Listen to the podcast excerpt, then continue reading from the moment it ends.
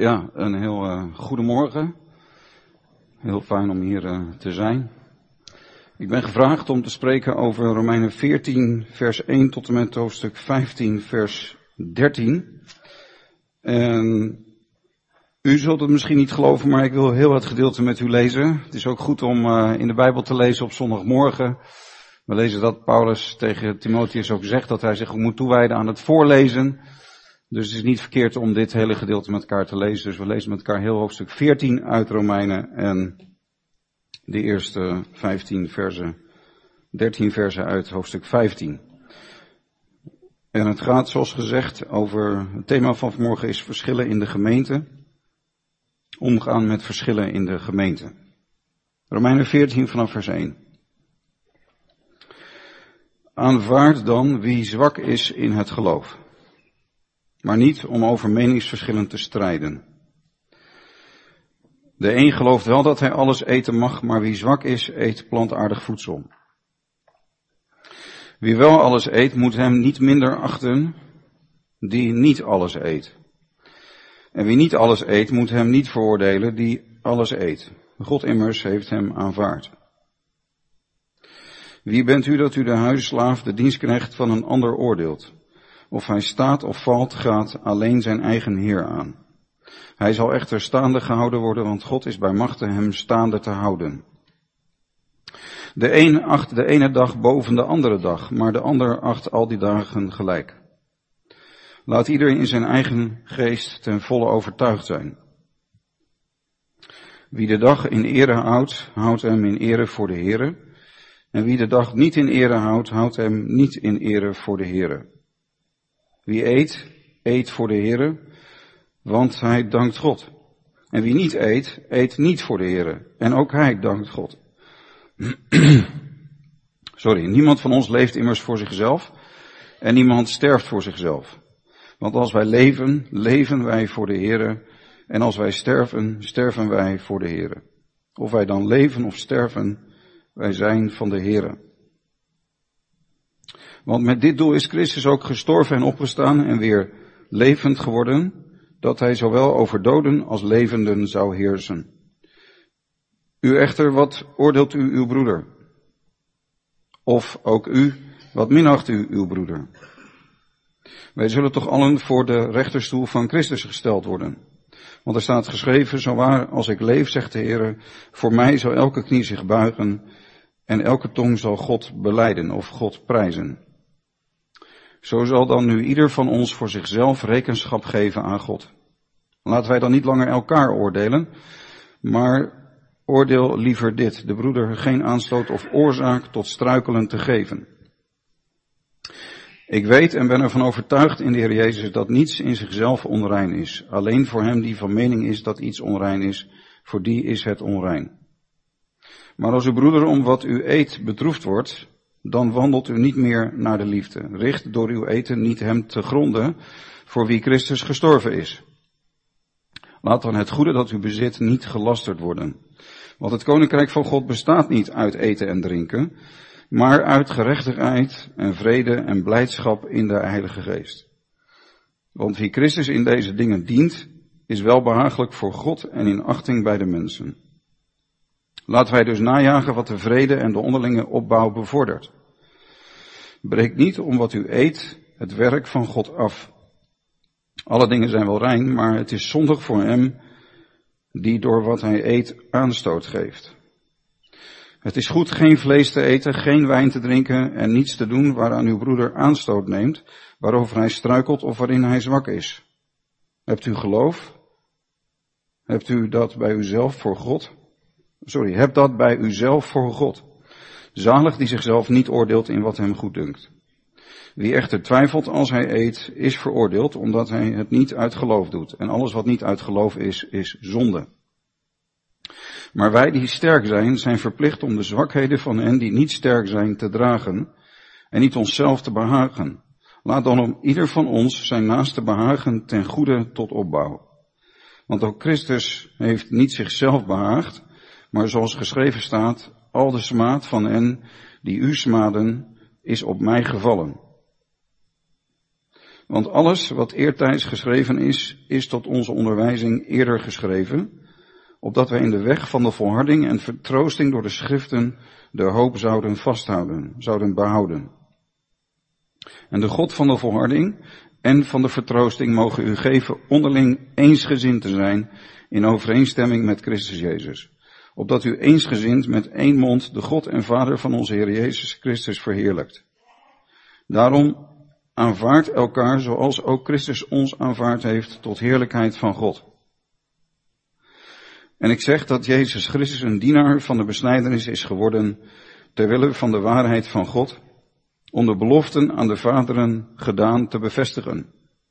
En opdat de heidenen, en opdat de heidenen God zouden verheerlijken vanwege de barmhartigheid, zoals geschreven staat, daarom zal ik u beleiden onder de heidenen en uw naam lofzingen. En verder zegt hij, wees vrolijk heidenen met zijn volk. En verder loof de Heere alle heidenvolken, prijs hem alle volken. En verder zegt Jezaja, de wortel van Isaïe zal er zijn. En hij die opstaat om heerschappij te voeren over de heidenen, op hem zullen de heidenen hopen. De God nu van de hoop, mogen u vervullen met alle blijdschap en vrede in het geloven, opdat u overvloedig bent in de hoop door de kracht van de Heilige Geest. Tot zover. Laten we kort bidden voordat we hier verder met elkaar over nadenken. Heere onze God, wij danken u voor uw heilige woord. Wij danken u voor uw woord dat levend en krachtig en scherp is. Dank u dat uw woord een licht op ons pad is, een lamp voor onze voeten. Wij willen luisteren naar uw woord. Wij willen uw woord tot ons nemen. We danken u dat u ook wilt spreken tot ons door dit Bijbelgedeelte. Dat u ons ook duidelijkheid wilt geven. Daar bidden we om, om de geest van wijsheid en openbaring. Dat u een zalving geeft om te spreken en om te luisteren. En dat we zullen horen wat de geest tot de gemeente zegt. In Jezus' naam. Amen. Het is denk ik belangrijk dat om dit gedeelte ook te begrijpen, om überhaupt de brief aan de Romeinen te begrijpen, iets te weten van de achtergrond van de gemeente te Rome. En uh, Paulus was niet de oprichter, hij is niet de stichter van de gemeente te Rome. Paulus die wilde al lange tijd naar Rome, uiteindelijk is hij daar ook terecht gekomen. Maar hij schreef deze brief aan de gemeente te Rome voordat hij er ooit is geweest.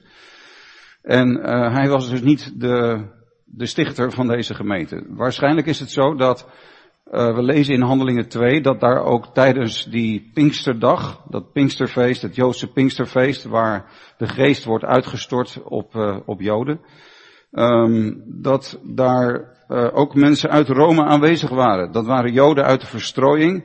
Die kwamen voor die Joodse feesten naar Jeruzalem. Zo ook bij het Wekenfeest, het Pinksterfeest, dat toen plaatsvond. En toen werd de Heilige Geest uitgestort, toen Petrus Christus had gepredikt. Er waren ook mensen uit Rome, die gingen terug naar Rome en die zijn begonnen met de gemeente te Rome. Ik wil proberen iets duidelijk te maken over waarom er logisch nogal wat meningsverschillen waren ook in de gemeente te Rome. Want, zoals ik zei, in het begin bestond deze gemeente alleen maar uit Joodse gelovigen. En dat was met heel veel gemeenten was dat zo. Dat was natuurlijk ook zo met de gemeente te Jeruzalem. In het begin waren het alleen maar Joden die in Jezus geloofden. De hele vroege gemeente, een, een groot deel van, eigenlijk het hele eerste deel van het boek Handelingen, komen we alleen maar Israëlieten tegen, Joodse mensen tegen. En die vroege gemeente was een groepering binnen het Jodendom. En zo was ook de gemeente te Rome was een Joodse gemeente. Later kwamen daar ook niet-Joden bij, net als in uh, Antiochië, waar dat voor het eerst veel begon te gebeuren, waar dan die niet-Joden christenen werden genoemd. Voor het eerst de naam christen gebezigd werd. En uh, dat gebeurde tijdens, op de plekken waar Paulus het evangelie bracht. Hij ging altijd eerst naar de synagoge, er kwamen Joden tot geloof. Maar hij ging ook een deur verder naar de heidenen en er kwamen ook niet-Joden tot geloof. De hele uh, strekking van het boek Handelingen is natuurlijk dat evangelie gaat van Jood naar Samaritaan naar heiden. Niet alleen Jeruzalem en Judea, maar ook Samaria en zelfs tot aan de uiteinden der aarde. Dat is het thema van het boek Handelingen. En ook in de gemeente te Rome was, um, was dus op een gegeven moment een samenstelling van zowel Joden als niet-Joden die in Jezus geloofden. Dan lezen wij in Handelingen 18 dat tijdens het bewind van keizer Claudius, dat alle Joden Rome moesten verlaten. waaronder Priscilla en Aquila, die moesten ook weg uit Rome. Dat betekent dus dat alle oorspronkelijke leden van de gemeente, inclusief de oorspronkelijke leiders van de gemeente, de, de ouderlingen van de gemeente, die moesten allemaal weg. Dan heb je dus alleen nog maar een tijd, heb je alleen nog maar niet-Joodse gelovigen in de gemeente. Maar een paar jaar later mogen Joden weer terug naar Rome. Komen dus ook de in Jezus gelovende Joden weer terug in Rome, voegen zich weer bij de gemeente. En deze hele dynamiek heeft natuurlijk een heleboel kwesties naar boven gebracht. Kijk, um, ik denk dat jullie een aardig homogene gemeente zijn. Uh, velen van jullie komen hier uit Urk, van Urk vandaan. Um, jullie hebben misschien veelal ook een beetje dezelfde achtergrond, alhoewel baptistengemeenten vaak ook wel gemeleerd zijn. Maar dit is veel meer een homogene gemeente dan die gemeente te Rome was. Want het verschil tussen Joden en niet-Joden is veel groter dan de verschillen die wij meestal in onze gemeentes hebben. En in het Nieuwe Testament komen natuurlijk veel kwesties naar boven die hiermee te maken hebben. Nogmaals, in het begin alleen maar Joden, die ook nog als Jood leefden. En daarna komen er heidenen bij, moeten die nu ook als Jood gaan leven? Hoe zit het dan met de besnijdenis? Hoe zit het dan met de, uh, met de, de, dingen die God aan Israël heeft gegeven om daar overeenkomstig te leven? Hoe zit het dan met uh, de, uh, met de feesten van Israël? Hoe zit het met de rituele, ceremoniële wet die God aan Israël heeft gegeven? Hoe zit het met de tempeldienst? En weet je wel, moeten de heiden dat nou ook allemaal doen? Nou, dat bracht een heleboel discussies teweeg. En als je deze achtergrond begrijpt, dan begrijp je ook nou ja, alle thema's die Paulus in het boek, uh, in zijn brief aan de Romeinen behandelt. Want het gaat namelijk over, zijn nou alleen heidenen zondaars of ook joden? Nee, ook joden zijn zondaars. Het gaat over hoe worden wij rechtvaardig voor God? Is het nou door de wet? Of is dat uh, uit genade? Nee, dat is duidelijk, dat is uit genade. Uh, het heeft te maken met uh, hoe, wordt, hoe veranderen wij? Hoe kunnen wij werkelijk andere mensen worden? Dat is alleen door de geest. Het heeft te maken met hoe zit het nou met Israël en de kerk? Romeinen 9 tot en met 11. Eventjes gewoon een greep uit deze thema's van de Romeinenbrief. Hebben allemaal met die achtergrond te maken. Dus kwesties kwamen naar boven. Nou, in het, in het verlengde van deze historische achtergrond vind ik het wel heel belangrijk om ook te benadrukken wat wij zijn tegengekomen in hoofdstuk 15, vers 8. waar we hebben gelezen dat Jezus Christus een dienaar van de besnijdenis is geworden, terwille van de waarheid van God om de belofte aan de vaderen te bevestigen. Dit is een heel belangrijk vers, want dat die hele materie van Jood en niet-Jood, die samen in Jezus gingen geloven. Een van oorsprong puur Joodse gemeente, maar er komen steeds meer niet-Joden bij. En wat er daarna is gebeurd in de geschiedenis van de kerk, weet je, juist toen de niet-Joden in de meerderheid kwamen, en toen de Joodse gelovigen binnen de gemeente van Christus een kleine minderheid werden, uiteindelijk is die niet-Joodse gemeente sterk anti-Joods geworden. Die niet-Joodse gemeente, die, de heidenen die in Jezus gingen geloven, die gingen zich al vroeg in de geschiedenis van de kerk, gingen zij zich keren tegen um, alle Joden, tegen het Joodse geloof, tegen het Jodendom überhaupt, tegen het volk van Israël. Dat is de geschiedenis van het christelijke antisemitisme. En dat is zeer kwalijk. Daar zou ik heel lang over door kunnen praten, maar dat doe ik vanmorgen niet. Maar hier staat duidelijk in Romeinen 15 dat Jezus Christus niet is gekomen om de beloften aan Israël gedaan, de belofte aan de aartsvaderen gedaan, om die van tafel te vegen, maar om die te bevestigen. Christus is een dienaar van de besnijdenis geworden. Hij is gekomen om zijn volk Israël te dienen. Hij is gekomen om heel veel profetieën die God aan Israël heeft gegeven te vervullen. Hij was en is de Messias van Israël. En het is een absurde gedachte om te zeggen dat als de Messias van Israël komt, dan verandert hij in één keer de relatie die God met Israël heeft. Dat is een absurde gedachte toch? De Messias van Israël komt toch niet om Gods verbonden met Israël teniet te doen. Als de Messias van Israël komt, dan komt hij toch niet om beloften die God aan Israël heeft gegeven van tafel te vegen en ineens heel Gods bemoeienis en relatie en uitverkiezing van Israël om die ineens teniet te doen, te vernietigen. Dan zou hij niet de Messias van Israël zijn. Heel belangrijk punt, en ik wil je uitdagen om daarover na te denken. Christus is niet gekomen om Israël als uitverkoren volk uit te wissen. In Gods plan met deze wereld. Hij is niet gekomen om de beloften aan de aartsvaderen gedaan, ongedaan te maken, maar juist om die te vervullen. Hij is niet gekomen om die verbonden te verbreken die God met Israël heeft. Hij is de vervulling van die beloften.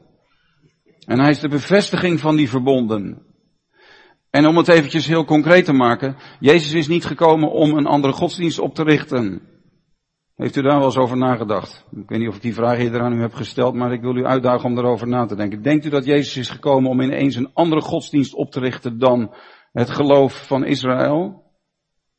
Dat het Jezus bedoeling was dat er een godsdienst ontstond die zich helemaal tegen het geloof van Israël zou keren? Dat is toch raar? Dat kan helemaal niet. Um, waarom zeg ik dit? Omdat ik diverse commentaren heb gelezen op Romeinen 14 en Romeinen 15, met name op Romeinen 14. Dan gaat het over verschillen. En in diverse commentaren kom ik dan tegen dat als het hier gaat over eten, het wel of niet eten van bepaalde dingen, dat commentatoren zeggen, kijk wat Paulus hier zegt is, degene die zwak is, dat dat is de vraag, hè. Paulus zegt hier, aanvaard wie zwak is in het geloof. Maar wij die sterk zijn, dus er wordt gesproken over sommigen zijn zwak en sommigen zijn sterk. En zoveel commentaren zeggen, ja, degene die zwak zijn, daarmee bedoelt Paulus degene onder de gelovigen die nog aan het Joodse geloof vasthouden.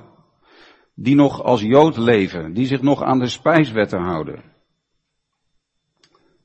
Met andere woorden, dat zwak zijn wordt dan geduid als ze hebben zich nog niet afgekeerd van het Joodse geloof. Ze zijn nog niet christen geworden in plaats van Jood. Maar dat is doorspekt van vervangingsdenken. Er wordt ook gesproken over een bepaalde dag. Um, de ene acht de ene dag boven de andere dag, maar de andere acht al de dagen gelijk. En klakkeloos wordt er door commentaren dan een verband gemaakt met de Shabbat.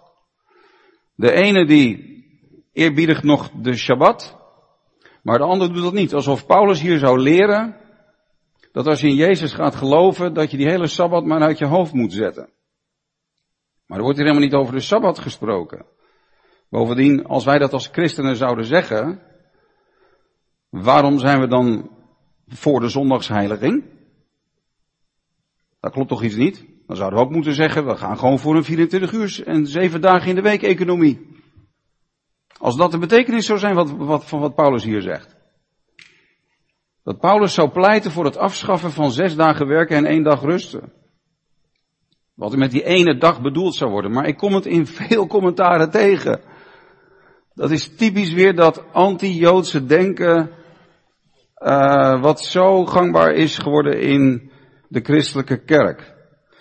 Nog even terug naar die beide zaken. Um, ten aanzien van het eten wordt hier gesproken over, kijk, sommigen die vinden dat je geen vlees mag eten. Uh, vers 2, de een gelooft dat hij wel alles mag eten, eet alleen plantaardig voedsel. Dus het gaat hier over wel of geen vlees eten. Sommigen die vonden dus blijkbaar je moet geen vlees eten. Alleen maar, misschien zou je zelf wel een parallel kunnen maken met vegetariër worden. Dat is wat Paulus hier noemt. Dus het gaat om mensen die een sterke mening hebben over wel of niet bepaald voedsel, concreet wel of niet vlees eten. Later in het hoofdstuk komt ook naar voren wel of niet wijn drinken. Maar nogmaals, als je dan gaat zeggen, ja dat heeft dus te maken met wel of niet je aan de Joodse spijswetten houden, dat klopt totaal niet, want in het Jodendom wordt echt niet geleerd dat je geen vlees mag eten of geen wijn mag drinken. Ik bedoel, uh, er wordt volop vlees gegeten bij de Pesachmaaltijd en bij allerlei maaltijden wordt vlees gegeten. Alleen niet samen met melkproducten, dat is dan weer het koos, de koosjere keuken van, van, het, van de Joden. Maar om dit te linken aan het Joodse geloof überhaupt, dat klopt helemaal niet. Bovendien, tijdens de Pesachmaaltijd zijn vier bekers met wijn die geschonken worden. En Paulus die, uh, die zegt hier, het is goed om geen vlees te eten, geen wijn te drinken, niets te doen waar uw broeder aanstoot aan neemt. Dus wijn was ook een kwestie, maar het is niet zo dat, um, dat, dat gewoon binnen het Joodse geloof die wijn helemaal geen plaats had. Dus ik hoop dat ik duidelijk heb gemaakt, zowel ten aanzien van die ene dag, als wat betreft eten en drinken, dat Paulus zich niet keert en dat de kwesties niet gaan over dat Joden niet als Jood meer mogen leven. Dit is een heel belangrijk punt. Uh, we vinden heel duidelijk in het Nieuwe Testament dat de Joden die in Jezus gingen geloven, zich bleven houden aan de wet van Mozes. Paulus komt terug van zijn zendingsreis, dan gaat er het gerucht in de gemeente te Jeruzalem dat hij de Joden in de verstrooiing zou leren. Um, dat zij, um, dat zij uh, niet meer hun kinderen zouden moeten besnijden en niet meer zouden moet, moeten wandelen overeenkomstig de gebruiken van de wet. Dat gerucht gaat over Paulus in de gemeente te Jeruzalem, dat hij dus een anti-Joods evangelie zou brengen, dat hij tegen zijn eigen volksgenoten in de verstrooiing zou zeggen, je moet nu in plaats van Jood christen worden en je moet helemaal niet meer denken aan de besnijdenis en aan de Torah en aan het leven volgens de Torah. Maar dan zeggen de gelovigen te Jeruzalem tegen Paulus, Paulus, er zijn hier een paar broeders die een gelofte hebben gedaan. Neem die broeders bij u, reinig u samen met hen, betaal voor hen de kosten van de offers, zodat zij zich het hoofd kunnen laten scheren en dat alle kunnen weten dat er niets waar is van wat hun over u verteld is, maar dat u zelf zo wandelt dat u ook zelf de wet in acht neemt. Paulus bleef leven als Jood. Hij bleef volgens de Torah leven. Hij bleef zelfs offers brengen in de tempel. Ook Petrus en Johannes gingen gewoon nog op naar de tempel, eh, lezen we in Handelingen 3. Ze stopten echt niet ineens met al die Joodse dingen. Toen ze gingen geloven dat Jezus de Messias van Israël was. Dat alle kunnen zien dat er niets waar is van wat er over jou gezegd wordt. Begrijpt u wat ik bedoel? Er werd over Paulus gezegd dat hij afval van Mozes zou leren. Maar hij laat zien met wat hij doet dat dat niet zo is. Hij leerde geen afval van Mozes. Wat zien we dus in het Nieuwe Testament? We zien een tweesporenbeleid, zo noem ik dat. Joden die in Jezus gaan geloven, worden niet ineens christen, zodat ze geen Jood meer zijn. Ze blijven volledig Jood. Nogmaals, de vroege gemeente was een groepering binnen het Jodendom. Petrus stond niet ineens als christen tegenover de Joden in Handelingen 2. Hij stond als Jood tegenover de Joden. Hij stond als Jood die nu in Jezus geloofde dat hij de Messias van Israël is, stond hij tegenover zijn volksgenoten en zei hij tegen zijn eigen broeders, zijn eigen medejoden, Jezus is de Messias. Joden bleven als Jood leven. En de heidenen die er ook bij kwamen, die werden gevoegd bij een van oorsprong puur Joodse gemeente. En het wordt duidelijk in het Nieuwe Testament dat die niet geroepen zijn om helemaal volgens de Torah, volgens de wet van Israël te gaan leven. Sommige dingen worden de heidenen zeker ook toegeroepen, maar niet in alles behoren de heidenen op dezelfde manier te gaan leven als de Joden, want overduidelijk, het Nieuwe Testament leert dat wij onze kinderen niet hoeven besnijden op de achtste dag. En wij als gelovige mannen in Jezus Christus hoeven niet besneden te zijn. Een tweesporenbeleid noem ik dat. Maar deze samenstelling van de gemeente leidde wel tot veel vragen en conflicten in die vroege gemeente. Verschillen. Nou, wat is dan wel, weet je, als dan de kwestie waar Paulus, die Paulus adresseert in Romeinen 14, als dat niet te maken heeft met überhaupt het Jood zijn of als Jood leven of kosher eten of wel of niet Shabbat houden of wel of niet je aan de feesten houden, waar dus voor Joden dat wel Gods bedoeling is en voor heidenen niet, niet uh, Gods bedoeling is of niet moet. Wat is dan wel waar Paulus het over heeft? Nou, ik denk dat degenen die zwak in geloof zijn, dat iemand heeft het als volgt beschreven. Degene die Paulus hier als zwak in geloof bestempelt, het zij heidenen, het zij Joodse gelovigen, die zijn nog niet zo groei, gegroeid in hun geloof, dat ze het, het bezig zijn met bepaalde ascetische praktijken kunnen opgeven, of het krampachtig vasthouden aan bepaalde, uh, bepaalde rituelen die niet per se, die niet in de Bijbel staan. Het is niet echt rationeel waar ze mee bezig zijn, maar um, het is irrationeel, het is, het is emotioneel. Het heeft misschien te maken met bepaalde psychologische noden, of bepaalde sociale druk, of bepaald bijgeloof, of het is een kwestie van gewoonte. Maar vanuit deze dingen kunnen deze mensen zeggen, je mag geen vlees eten. Of je mag helemaal geen wijn eten. Of je moet dit of dat doen. Of um, je moet um, je aan deze dag houden. Je zou kunnen zeggen, mensen zijn geneigd om vanuit een bepaalde angst en onzekerheid hun toevlucht te nemen tot regels en het ontwikkelen van een bepaalde cultuur, tot het ontwikkelen van bepaalde gewoonten, die helemaal niet zo duidelijk in de Bijbel staan, die eigenlijk niks te maken hebben met Gods openbaring aan ons, maar waar mensen hun toevluchten tot, mensen nemen hun toevlucht daartoe om een bepaalde zekerheid te vinden daar, daarin. De mens vindt een bepaalde zekerheid dan in uiterlijke zaken. Nou, laat me een voorbeeld geven van hoe dat kan gaan vanuit een bepaalde psychologische nood. Ik las het voorbeeld van iemand die verslaafd was geweest aan heroïne. En toen hij aan de heroïne verslaafd was, zat hij heel veel op zijn gitaar te spelen en in zijn, in zijn, uh, terwijl hij high was, was hij bepaalde muziek aan het maken en muziek aan het spelen. En hij kwam radicaal tot bekering en hij kwam tot Christus en hij brak met de drugs. Maar hij wilde daarna ook niet meer gitaar spelen. Want gitaarspelen was voor hem verbonden met zijn zondige leven. Dus hij zei, het is fout om gitaar te spelen. Nou, voor hem was dat zo. Voor hem was het fout om gitaar te spelen, want voor hem was dat een soort herinnering aan vroeger en misschien wel een verleiding om weer terug te vallen daarin. Maar om dan te gaan zeggen, het is fout om gitaar te spelen, dat is natuurlijk niet terecht. Vanmorgen is er ook gitaar gespeeld. Het heeft niks te maken met fout. Maar iemand kan dan vanuit zijn eigen persoonlijke achtergrond en nood zo'n regel gaan verzinnen voor zichzelf en dat opleggen aan een ander. En dat is misschien een extreem voorbeeld, maar dit soort dingen komen veel vaker voor. Um, Laat me in het verlengde van wat ik heb gezegd andere voorbeelden geven. Even weer terug naar de context van toen, maar dat is ook van toepassing, denk ik, op nu.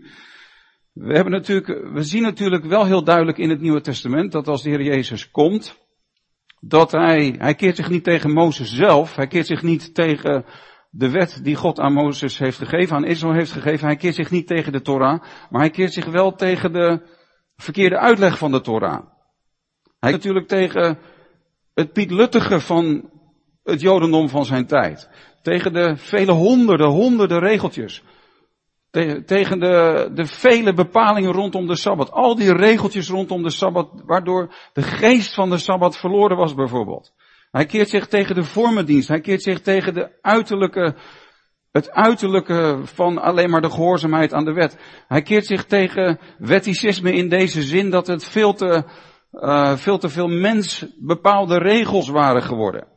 Nou, ik denk dat als Joden in Jezus gingen geloven, dan gingen ze Jezus ook volgen in zijn uitleg van de wet, die veel meer, die gewoon de uitleg was zoals die bedoeld was door de Heere God. Dus niet een, een wegwerping van de Torah, maar de juiste uitleg van de Torah. En dat conflicten ook ontstonden omdat sommige Joden die in Jezus waren geloven nog steeds te veel in dat in dat pietluttige van het Jodendom zaten. Nog, nog veel te veel zaten in regeltjes en wetjes die inderdaad niet deugden in het Jodendom van Jezus tijd. En dat ook, dat ook te maken kan hebben met sommigen die nog zwak waren in het geloof. Um, ten derde zou je kunnen denken aan uh, heidenen die tot geloof zijn gekomen in Jezus, die zich bewust worden van Jezus was een Jood, Jezus is een Jood. Jezus heeft de ware bedoeling van de Torah naar voren gebracht, maar dat heidense gelovigen in Jezus te uitgesproken worden over hoe zij als heidenen zich ook als joden moeten gaan gedragen. Wat ik al zei, dat twee sporenbeleid. Je kunt dus hebben te maken, we kunnen dus te maken hebben met joden die veel te veel nog in um, het verworden jodendom zitten, maar je kunt ook te maken hebben met heidenen die veel te veel als jood willen gaan leven. En dan ook gaan zeggen, we moeten het op deze manier doen.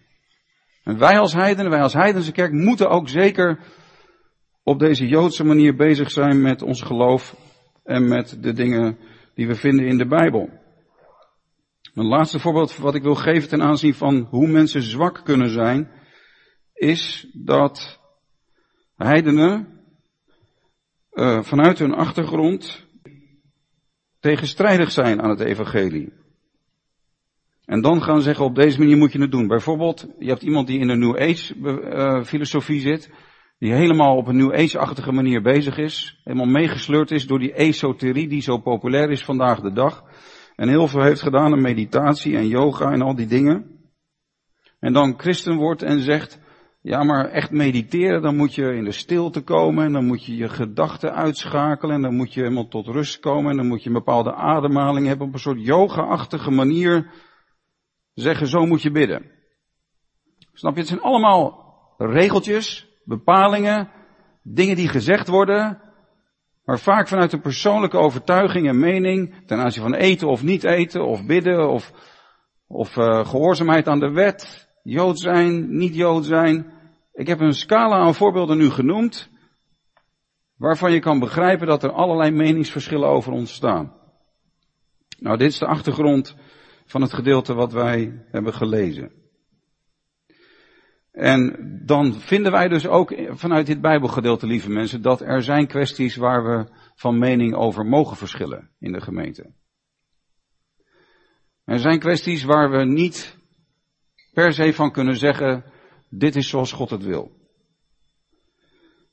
Um, als Paulus hier zegt um, dat um, ik ben ervan overtuigd dat niets in zichzelf onrein is, alleen voor hem die van mening is dat iets onrein is, voor die is het onrein. Dan moet je dat natuurlijk niet, moet je natuurlijk niet zeggen dat Paulus geen um, geen duidelijke uh, leefregels verkondigde, want de brief van Romeinen geeft ook hele duidelijke leefregels. Dit moet je niet verabsoluteren. Je kunt natuurlijk niet uh, van, van iets wat de Bijbel heel duidelijk veroordeelt zeggen, ja, als je zelf vindt dat dat niet onrein is, dan is dat niet onrein. Nee, het gaat hier over, het gaat hier over kwesties waar de Bijbel niet duidelijk over is. Het gaat hier over kwesties waar onder de mensen verschil van mening over is. En zo gaat het ook in de gemeente. bijvoorbeeld, nou ja, ten aanzien van eten, sommigen van ons zullen misschien zeggen, ja, het is, uh, het is echt de bedoeling dat je stopt met vlees eten. En anderen zullen zeggen, nee, ik geloof helemaal niet dat je geroepen bent om vegetariër te worden. Er zijn sommige christenen die zeggen, je mag per se geen alcohol drinken. Ook dat komt naar voren in dit Bijbelgedeelte. Maar er zijn andere christenen die zeggen, ja, het is helemaal niet zo dat je kunt zeggen dat je geen alcohol mag drinken. Dat verschilt ook in landen en in culturen. Ik zat op een bijbelschool met mensen uit allerlei landen. Sommigen kwamen uit Frankrijk. En als we dan in Frankrijk waren met een groepje van die bijbelschool, dan kwamen er allerlei flessen met wijn op tafel. Maar er waren ook allerlei Amerikanen op deze school. En in Amerika heel veel evangelische Amerikanen die drinken helemaal geen wijn, dus die zaten er ook bij en dat gaf, dat gaf best wel eens conflict en problemen. Die Franse christenen, die Franse evangelische gelovigen, die drinken gerust wijn, maar die Amerikaanse gelovigen doen het helemaal niet. Um, maar we moeten, we moeten uh, begrijpen dat over dit soort dingen dat er inderdaad verschil van mening is. Laat me nog één ding noemen, dat is ook best wel actueel denk ik hier op Urk.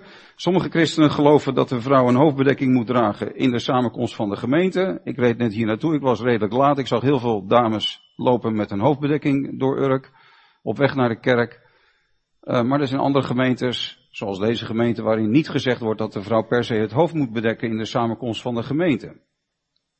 En zo zou ik veel meer kwesties kunnen noemen, waar de Bijbel um, niet uh, per se zegt dat het zus of zo moet. Er zijn verschillen in de gemeente. Nogmaals, op een heleboel punten is de Bijbel wel duidelijk. Dus je kunt het niet veralgemeniseren, je kunt het niet verabsoluteren van ja, als het voor jou rein is, dan is het rein voor jou en dan mag een ander daar niks over zeggen. Maar er zijn wel degelijk kwesties waar die verschillen spelen. Nou, wat kunnen we dan zeggen over omgaan met deze verschillen? Nou, oké, laten we kijken naar wat Paulus hier zegt. In eerste plaats dit.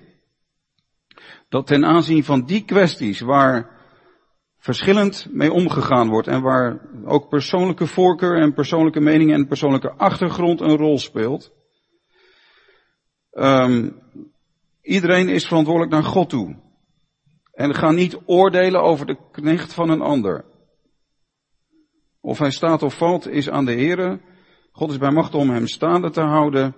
En Paulus benadrukt, met name in het eerste gedeelte dat we hebben gelezen, iedereen leeft voor de Here. Laat ieder verantwoordelijk zijn voor zijn eigen geweten naar God toe. Ik denk dat Paulus hier ook uh, pleit voor wat wij noemen vrijheid van geweten.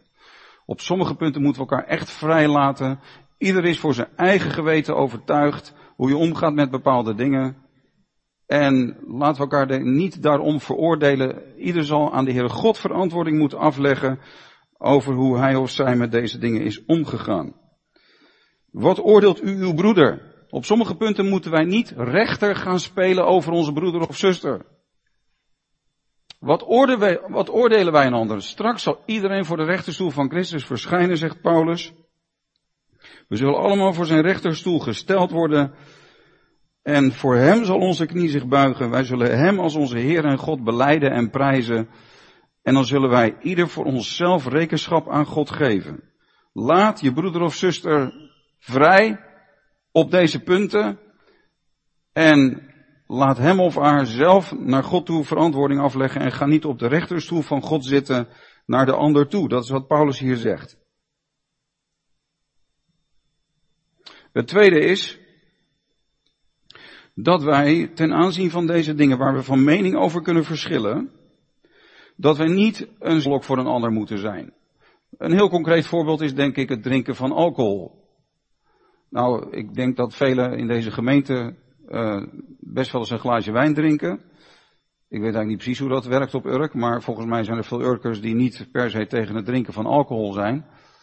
Maar ik weet wel dat er een situatie kan zijn dat er een broeder of zuster uh, in je nabije omgeving is, in je vriendenkring of in je familie of in de gemeente, of in je huiskring, die een serieus probleem heeft met alcohol gehad, of soms nog steeds. En dat het omwille van je broeder of zuster verstandig is om geen alcohol te drinken. Als je met hem aan tafel zit, dan moet je natuurlijk niet zeggen, nou beste Kees, ik weet dat jij uh, absoluut geen wijn mag drinken, maar ik doe het toch. Ik vind het erg lekker om een glaasje wijn te nemen. Jij moet er vanaf blijven, maar ik doe het toch. Ik denk dat je als je met hem aan tafel zit, kan je dat gewoon beter niet doen. Want wees niet een struikelblok. Wees geen steen des aanstoots voor je broeder of zuster. Ik weet, ik kom zelf bijvoorbeeld uit de kerk van de Nazarener. Die is ooit begonnen, begin 20e eeuw, onder de armen in New York. Er was een man die kwam uit de Wesleyaanse traditie. En die werd gegrepen door de Heer en die reikte uit naar veel mensen die echt aan lager wal waren geraakt. De lagere sociale klasse. Je had eind 19e eeuw, begin 20e eeuw nog heel erg die rangen- en standenmaatschappij. En hij zag dat er in veel uh, Presbyteriaanse en in veel uh, methodistische kerken zaten alleen maar middel- en hogere klas mensen. En hij raakte zeer bewogen met mensen van veel lagere sociale klassen. En hij reikte uit naar deze mensen. Er kwamen velen tot geloof. Velen hadden een alcoholprobleem.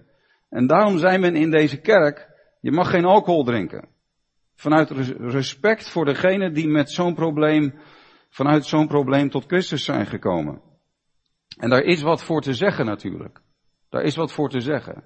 Dus dat is het, het eerste principe wat we leren ten aanzien van omgaan met verschillen. Oordeel niet over een ander als het niet gaat om essentiële dingen. Als het niet gaat om dingen waar de Bijbel duidelijk over is, maar waar je zelf een duidelijke mening over hebt.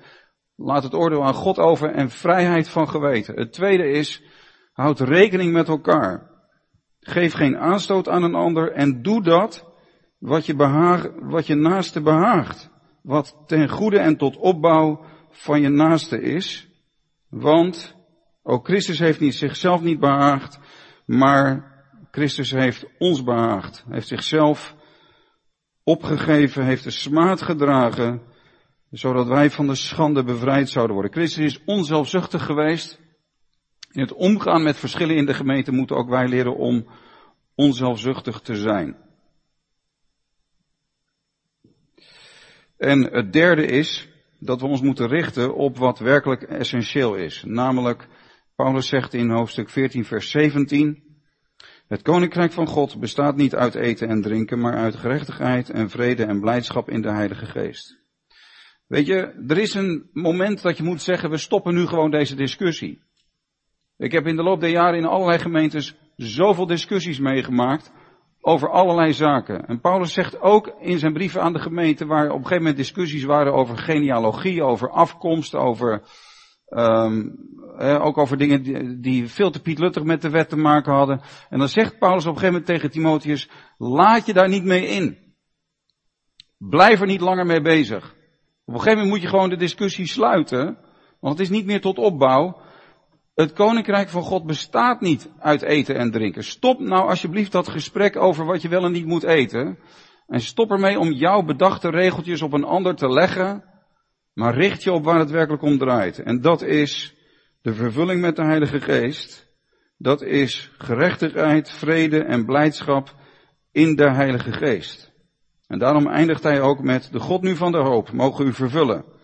Met alle blijdschap en vrede in het geloven, opdat u overvloedig bent in de hoop, door de kracht van de Heilige Geest. Richt je op waar het werkelijk om draait. Ik denk dat ook een principe is voor omgaan met verschillen.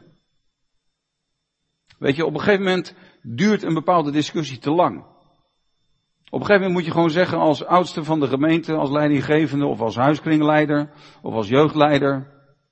Laten we deze discussie staken. Het is niet meer opbouwend om er met elkaar over door te praten. Het gaat niet om de essentie hier. Laten we ons richten op waar het werkelijk om draait.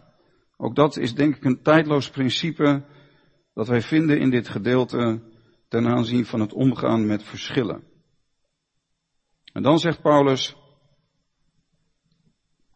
en, en, en het, ja, het, het vierde en laatste wat ik wil noemen is dat we, dat we in dit alles dat we de Bijbel als richtsnoer moeten nemen. Vers 4 en vers 5 van hoofdstuk 15, of eigenlijk vers 4, 5 en 6. Alles wat eertijds geschreven is, is tot onze onderwijzing eerder geschreven, opdat we in de weg van verharding en vertroosting door de schriften de hoop zouden behouden. Nou, dit is de Tenach, hè? dit is de wet en de profeten, dit is wat wij het Oude Testament noemen. Bent u zich ervan bewust dat de enige schriften die Paulus en de apostelen en Jezus hadden, het Oude Testament was. De schriften die ze hadden, was de 39 boeken van, het, van onze Bijbel die wij Oude Testament noemen. De Tenach, de wet en de profeten. Wat eertijds is geschreven, is tot onze onderwijzing geschreven. Paulus wijst op de wet en de profeten. Wij mogen niet als christenen zeggen, het Oude Testament was voor Israël en is voorbij. En uh, de, het Oude Testament is de Bijbel van de Joden en het Nieuwe Testament is de Bijbel van de christenen. Dat is verkeerd denken. De Tenach, de wet en de profeten, is de Bijbel van degenen die in Jezus geloven. We mogen Oude en Nieuwe Testament niet uit elkaar trekken. Ik heb moeite met de benaming Oude en Nieuwe Testament. We mogen die 39 boeken niet allemaal onder Oude Testament scharen. Dat is fout. Dit zijn de heilige schriften. We moeten net zo blij zijn met die 39 boeken als met die boeken van het Nieuwe Testament. Die ook schriften zijn. Maar de weg die we moeten gaan is dat wij de Bijbel serieus nemen. Opdat wij de weg van de volharding en vertroosting door de schriften gaan en daardoor de hoop vasthouden. En daardoor zal God geven dat er onderlinge eensgezindheid is in overeenstemming met het geloof in Christus Jezus. Opdat u eensgezind en met één mond de God en Vader van onze Heer Jezus Christus verheerlijkt. Aanvaardt elkaar zoals ook Christus ons heeft aanvaard tot heerlijkheid van God. Dus we zien hier dat Paulus de gemeente te Rome die dus bestond uit heidenen, joden en heidenen, waar veel meer conflicten, veel meer kwesties, veel meer punten van discussie naar boven kwamen dan meestal in onze gemeentes, dat Paulus duidelijk een weg wijst. En dat wij deze principes ook ter harte mogen nemen. Dat we mogen zeggen, we willen de schrift serieus nemen. En we willen geen water bij de wijn doen waar de schrift duidelijk over is. Maar er zijn andere kwesties. En die hebben veel meer te maken met persoonlijke achtergrond. Die hebben te maken met emotionele toestand waar mensen zich in bevinden. Die hebben te maken met persoonlijke voorkeur. Die hebben te maken met Jood zijn, heiden zijn. Die hebben te maken met, uh, met, met vanuit wat voor geloof je komt of vanuit wat voor kerk je komt. Die hebben te maken met cultuur. Er zijn allerlei kwesties die daardoor naar boven kunnen komen in de gemeente. En daar moeten we ook leren om elkaar vrij te laten, elkaar niet de wet voor te schrijven. En ook elkaar geen aanstoot te geven. En dan ook um, ten aanzien van die non-essentiële dingen ervoor te zorgen dat ze ons niet uit elkaar drijven. Um, nou, nogmaals wil ik noemen dat dat niet betekent dat we moreel gezien onverschillig moeten worden. Dat betekent niet dat je van alles kan zeggen, ja, als het voor jou niet onrein is, dan is het niet onrein. Nogmaals, dat vers, vers 14 is denk ik vaak misbruikt. Ik ben ervan overtuigd, zegt Paulus daar, dat niets in zichzelf onrein is. Alleen voor hem die van mening is dat iets onrein is, voor hem die is het onrein. Dat, dat vers wordt vaak misbruikt om terecht te komen in een soort moreel relativisme. Om te zeggen, nou, het maakt allemaal niet uit, weet je wel. Het is gewoon wat jij denkt en wat jij denkt. Maar dat is natuurlijk helemaal fout. Nee, de schrift is heel duidelijk over allerlei kwesties. Paulus zelf is heel duidelijk over allerlei kwesties. En daar doen we geen water bij de wijn. Maar er zijn andere kwesties waar we niet principieel en rechtlijnig in moeten zijn. Maar waar we elkaar de ruimte moeten laten. God geven dat we samen en ook dat jullie als gemeente in deze dingen jullie weg zullen vinden. En dat er inderdaad veel vertroosting, veel onderlinge eensgezindheid en daardoor veel uh, verheerlijking van God de Vader en van zijn Zoon Jezus Christus zal zijn. Geprezen zij zijn naam. Laten we samen bidden.